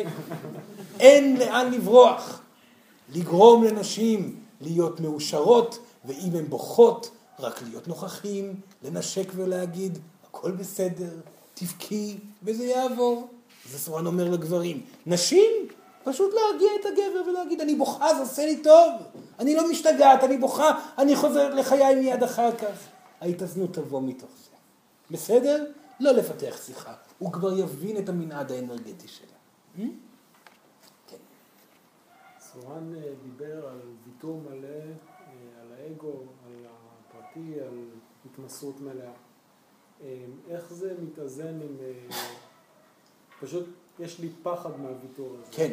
איך זה מתאזן עם, אה, עם תחביבים, עם קצת איזשהו משהו שהוא, שהוא אישי? גם על כל הדברים האלה אני צריך לוותר? סורן יסביר, זו שאלה טובה. הבעיה עם התחביבים זה שהם לא נעשים. תחביבים זה דבר מאוד חשוב, שכל אדם צריך. הבעיה היא שזמן התחביבים הוא גדול מדי, שהוא הופך ונהיה מחשבה ולא תחביב. אם אדם מוותר על עצם הזמן לתחביבים, הוא פתאום מגלה שיש לו זמן ליצור את התחביבים האלו. הוא היה עסוק, עסוק, עסוק, עסוק. פתאום הכל בסדר, הוא יכול ללכת לצייר, הוא יכול ללכת לרוץ, הוא יכול, הוא יכול, אז, אז הוויתור על הדבר גורם לדבר להגיע. לכן אם מוותרים על, על הזמן לעצמכם, אתם זוכים בזמן לעצמכם. כל גבר שמרפה מהזמן לעצמו מגלה את זה, אבל חייבת להיות הרפאיה מלאה. חוץ מהגברים שהם בעצם משרתים ולא אבירים, שמוותרים כבר ויתור יתר בגלל פחד שהאישה ת- תיפגע או תלך או כל דבר כזה. לא, אדם שמוותר מתוך הבנה שזה עושה לו אושר לראות את משפחתו ואת אשתו מאושרים וכו' וכו' וכו', יגלה מיד שפתאום נוצר זמן לתחביבים והוא הופך להיות זמן באמת לתחביבים ולא למחשבות על העתיד ודאגות על מה יהיה וכל מיני שאלות ומחשבות על איפה אני הייתי אם לא הייתי פה וכל מיני דברים. זה בזבוז זמן, זה לא זמן לתחביב, זה בזבוז זמן. Hmm? הרפייה גורמת לקבלה של הדבר. Hmm? כן. שאלות אחרונות. כן, בבקשה. יש אנרגיית האריה. כן. יש תקופות שאני באנרגיית האריה, בבית, בחוץ, מסתובב, עם הזנב, מגרש זבובים, כל. מה קורה כשאני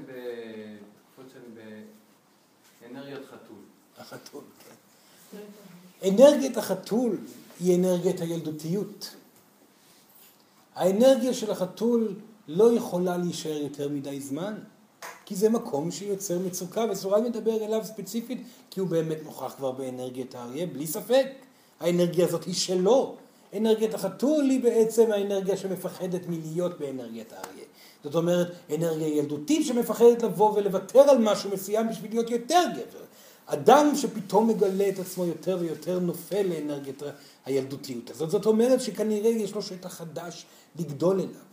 זה אומר שכנראה על ידי הוויתור על הילדותיות שתהיה הפעם, יגדל המצב עוד יותר, האחריות תגדל עוד יותר, הצלחה יותר גדולה, שינויים בחייו, מי יודע מה יבוא. וכאן עומד הגבר מול פחד. כי אם אוותר על הילדותיות עכשיו, אני הולך לגדול לאחריות חדשה, ואינני יודע אם אצליח עם האנרגיה שלי להכיל את כל הדבר. התשובה היא כן. כי לא משנה כמה אחריות יש לגבר, כל עוד הוא מצליח להיות אה, ברוגע מול כל הדברים ולעסוק בכל הדברים במקביל, הוא יצליח להכיל את הדבר. ולא צריך לעסוק אה, בזה, בלפתור בעיות, אלא פשוט להיות בשלווה בתוך זה. אם יהיה בשלווה בתוך המרקם האנרגטי הגדל של שר, הוא יראה רק התפתחות והתפתחות והתפתחות.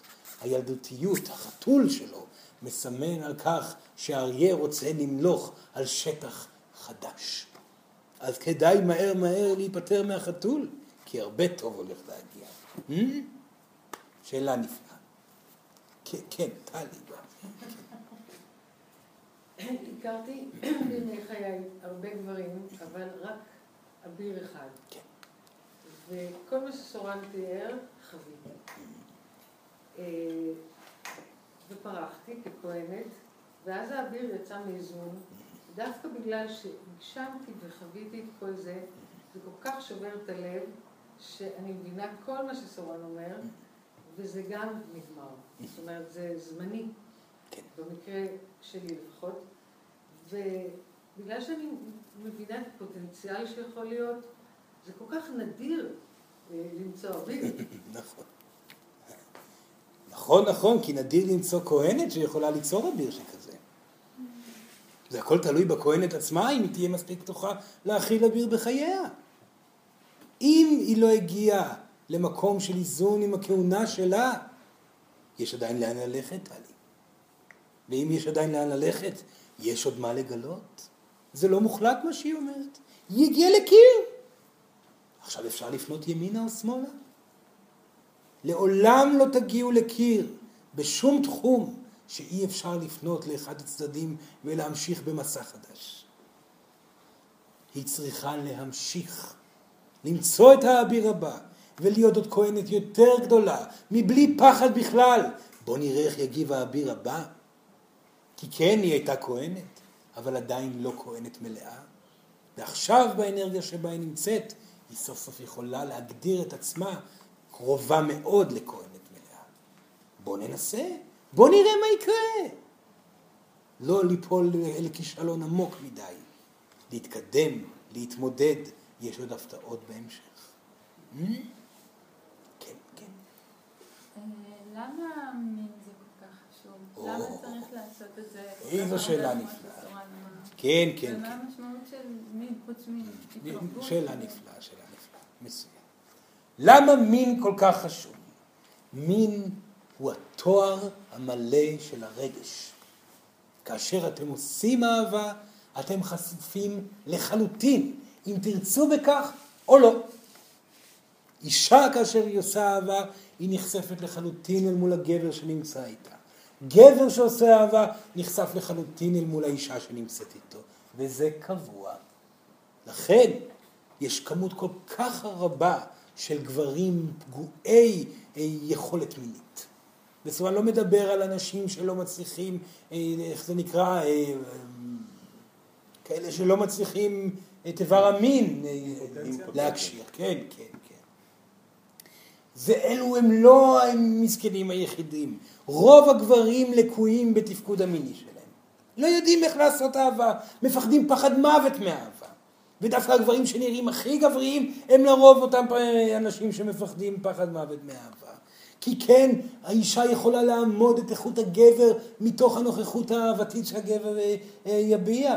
והגבר יוכל בלי ספק לראות את האישה בצורה מלאה, ועלול אפילו לפגוע בה בתוך הדבר הזה. אז יש פחדים מאוד מאוד גדולים.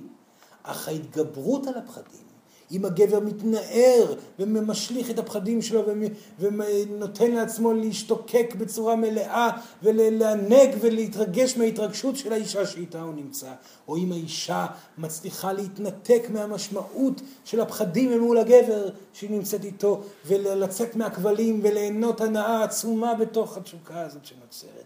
זאת אומרת, לא בכלל, אישה מגיעה לשיא המיניות שלה כאשר היא בכלל לא רואה גבר שנמצא איתה. היא פשוט נהנית מעצמה ומהאנרגיה הזאת שהיא מתחברת. היא לא חושבת עליו בכלל כגבר, אלא כאנרגיה גברית. והיא חווה את עצמה גדלה ומאפשרת לעצמה ליהנות הנאה גדולה מאוד. שם הנשיות נמצאת בפריחה במיניות. ואישה כזאת, ולא משנה כמה היא נפגעה בחייה או בגלגוליה קודמים מגברים, כאשר היא מגיעה לפתיחות ושחרור מיני, היא מתרפאת. זאת אומרת, היא מרפאה את הנשיות שלה. מין בשביל גבר, זאת הדרך היחידה בשבילו להתגבר על הפחדים ועל הערכה העצמית הנמוכה שלו, ובשביל אישה, וזו המשמעות החשובה ביותר לנשים, זאת הדרך היחידה ליצור ריפוי מלא מפגיעות מינית שחוותה בגלגול הנוכחי או בגלגולים קודמים. חשיבות עצומה. Hmm? שאלה אחרונה אחרונה. כן. מי זאת בעצם כהנת? מי זאת בעצם כהנת? כן, זו שאלה טובה לסיום, כי זה בעצם יעביר ויקדם את השיעור הבא על הנשיות. Hmm? מי זאת כהנת? הכהנת היא דמות האלוהים בקרקע. הכהנת היא האישה שאיבדה את כל הפחדים, שהצליחה להשתחרר מהפחד של הפגיעות, שהצליחה להשתחרר מפחד הנזקקות, שהצליחה להשתחרר מהפחד של מה חושבים, שהצליחה להשתחרר מהמחשבות והביקורת העצמית שלה כלפי עצמה, שהגיעה למצב שהיא נעה בעולם עם נשיות ונתינה מלאה, עם חום אהבה ורקות וצחוק והבעה רגשית מלאה מכאב לשמחה, שיגעון. אישה שהשתגעה לחלוטין. זאת היא כהנת. וכאשר הכהנת הזאת חיה את השיגעון, את מה שהגברים כינו אותה כמשוגעת, כי פחדו מיופייה ועוצמתה, היא הופכת להיות יד ימינה של אלוהים. וזה נפלא בשביל כולם. ועל זה סורן כבר ידבר בפעם הבאה. בסדר? תודה, תודה, תודה. ידיים בבקשה, ידיים. יד שמאל מקבלת, היא מופנית לעבר השמיים. יד ימין נותנת, היא מופנית לעבר.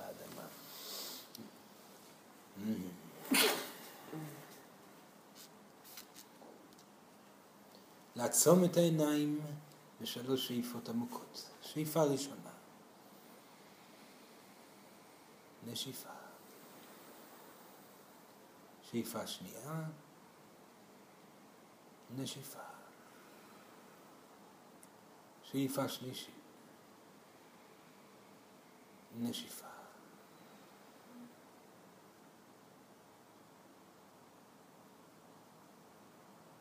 גברים יקרים, נשים יקרות גם כן. אתם עומדים אל מול ההחלטה לשנות את עצמכם. אתם עומדים אל מול ההחלטה לא לפחד משינויים. האנרגיה שלכם כבר משתנה. אתם אלו שצריכים לעמוד בקצב שלה. הקשיבו לכל לבכם. הקשיבו למקום שרוצה בפשטות, שרוצה בקרבה, שרוצה באהבה הגדולה, שרוצה בהרפייה, בהנאה, ולראות את האנשים שסביבכם מאושרים גם כן. הרפו מכל הדברים האחרים. הרפו מדאגות על כסף, דאגות על העתיד, דאגות על זוגיות, על מה יהיה, על מחלות, על כל דבר. ואפשרו לעצמכם להתמודד אל מול ההתנגדויות הפנימיות שמונעות מכם את האהבה, את היופי והשמחה שסורן דיבר עליה. זה בידיים שלכם. עכשיו המידע קיים בראשכם. יהיו אמיצים, עשו מעשים, ואלוהים, היא כבר תספק את כל המתנות. אנחנו מבטיחים, ואנחנו איתכם, נוכחים, מלווים, יהיו קשובים לנו, הכל בסדר, הכל בסדר. יהיו קשובים, דברו איתנו, אנחנו נענה. תודה רבה ילדים, תודה רבה.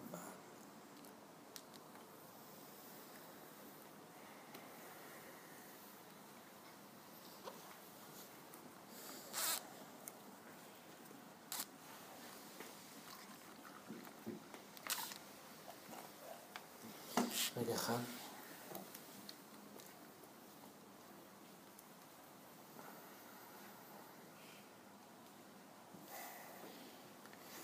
אוי, תודה. אוקיי. תראו, אני, אני רוצה להגיד משהו אחד אה, אה, לגביי, אה, בתור אחד מאיתנו, הגברים שעוברים את כל ה... כל הדברים שסורן אה, מדבר עליהם מאוד נוגעים לי. אה, כי אני באמת נמצא בתהליך כזה. עכשיו אני, אני יכול להגיד שאני אני באמת מרגיש שעברתי הרבה מאוד בתהליכים, כי סורן יושב עליי המון. כולם, כאילו, כל פעם שיש משהו שקורה, זה אולי יש איזה יתרון קטן בעניין, כי תמיד, תמיד אה, באים ואומרים לי, אה, אתה רואה, אתה מתנגד, אתה לא, אתה שוב פעם, אה, לא, שכח, לא באמת שכחת לסגור את המגירה, כאילו, אתה פשוט התעצלת פעם נוספת, זה לא שאתה, כאילו, זה, זה, לאט לאט זה עלה לי בהכרה ועברתי את השלבים האלה. אה, אה, ואני מצאתי את עצמי גם בתוך הגבריות הזאת יותר ויותר, אני יותר ויותר מבין שזה, שזה באמת פשוט הנוכחות הזאת של אה, האמונה והידיעה הגברית שלי, שבאמת כל עוד אני נמצא עם הראש מעל המים, הכל יהיה בסדר. אני מדבר אליכם, על הגברים כאן. תמיד יש לנו את ההרגשה הזאת שאנחנו עלולים ליפול ולא להחזיק מעמד אל מול כל האחריות שיש לנו. ווואלה, אנחנו יכולים להחזיק את הראש מעל המים, וכשזה קורה, אז כבר לבד המשפטים האלה של הכל בסדר, אני כאן, כבר יוצאים, ובאמת הכל נרגע והכל כבר קורה מתוך זה. אה, סוג של אה, האבירות הזאת, שאני מרגיש אותה מאוד מאוד, היא, היא משהו מאוד חזק, מאוד מרגש אותי. מאוד מרגש אותי להיות, להיות אביר של אשתי, ודרכה להיות אביר של אלוהים. זה, אני לא יודע איך להסביר לכם את זה אפילו. אני מוצא את עצמי, אני חייב להתוודות שאני מוצא את עצמי לפעמים ממש רוקן על הרצפה, ו- ופשוט אומר, אלוהים, כאילו, אני אוהב אותך ולנצח אני אוהב, אני מרפה מהכל למענך, ואני... זה קורה לי פשוט התפרקות מתוך uh, קדושה, אני לא יודע איך להסביר את זה אפילו. זה קצת uh, פסיכי הדבר הזה, אבל, אבל, אבל יש בזה איזושהי, איזושהי הרפאיה מהמציאות שהיא מטורפת. היא פשוט um, לקדש את ההרגשה, לקדש את האישה כי, כי היא הרגשה. לקדש את, ה, את הדבר הזה, ויש לי אישה בבית שאני, שאני צריך להיות שם עכשיו, אני מדבר, אני אומר, וואי, למה לא נמצא שם עכשיו לקדש אותה, כאילו? את הילד שלי ואותה מסכנה, כאילו, אישה.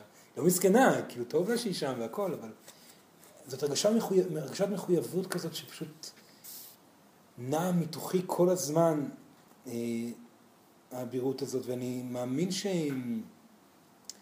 שזה מתבטא כלפי חוץ. אני רואה יותר ויותר אנשים בטוחים שאני אביר, למרות שאני יכול להגיד לכם שחלק מהאבירות היא הידיעה שאני גרוע, שאני מעפן, כי אני כל הזמן, כל הזמן קם בבוקר ואני מסתכל ואני אומר, fuck, איך עשיתי את זה, ואיך עשיתי את זה, וכמה אני פה וכמה אני שם, ואני רואה את אשתי גם רואה אותי יותר ויותר כאביר, שזה מפתיע, כי זה, אף פעם לא ראיתי, לא ראיתי, לא הרגשתי אישה שמרגישה משהו כזה כלפיי, ואני רואה אנשים אחרים שהם בטוחים שאני אביר. כאילו הם בטוחים, נשים אחרות שבטוחות שאני אביר וכל מיני... אה, וזה קטע, זה קטע אה, חזק, כי זה לא מעלה את האגו בכלל. זה מפחיד כל פעם מחדש, ועוד פעם, כל מה שצריך לעשות מול זה, זה להגיד די, אני לא בשליטה, אני זורק את הכל, אני מרגע לרגע מוודא שאני לא אהבל. זה הכל, כאילו. זה המשמעות של גבריות מבחינתי. לוודא שאני לא אבא מרגע לרגע, שאני פועל בצורה כמו שאלוהים הייתה רוצה, או, או מבחינתי כרגע זה כמו שאשתי אה, אומרת לי, ומדייקת אותי בזה, ואני פשוט רואה אותה פורחת, וזה אדיר. אני, אני פשוט אומר, אני רוצה להגיד, חבר'ה, כאילו, זה אדיר, לכו על זה. זה אושר אדיר, כאילו, הדבר הזה, המשפחתיות, השמחת חיים, כל השאר זה בולשיט גמור. כל מה שמעניין בתכלס זה לראות את המשפחה שם ברטט הזה, וזה זה פשוט ממלא אותי משנייה לשנייה, וזו סיבה לחיים. כל השאר זה, זה תוך כדי, המעגלים, זה, תוך כדי, באמת, אני אגיד לך, זה כאילו, זה נפלא, אני מאושר עם זה מאוד, זה הייעוד שלי, אבל זה תוך כדי, אני, אני דבר ראשון שם, זה, וזה משהו עצום. לא משנה מה יקרה, אני דבר ראשון אהיה שם. והכל כבר זז סביב זה. אני מאוד מאוד ממליץ לגברים שנמצאים ככה על הסף, או שכבר נמצאים שם, לעשות את, ה, את הצעד הנוסף, ולא לתת לילדותיות להתבטא יותר מדי. מתי שהאישה משתגעת וצורחת וצועקת, לקבל את זה ולהבין שטעינו, כאילו. ו, ולעשות, להגיד סליחה עד הסוף, ולעשות מה שצריך בשביל לתקן את זה. זהו חבר'ה, שיהיה לכם שבועות נפלאים, תהיו אבירים טובים, אלוהים רוצה אותנו, אנחנו באמת אה, הקרקע לבלגן הזה, וזה אדיר.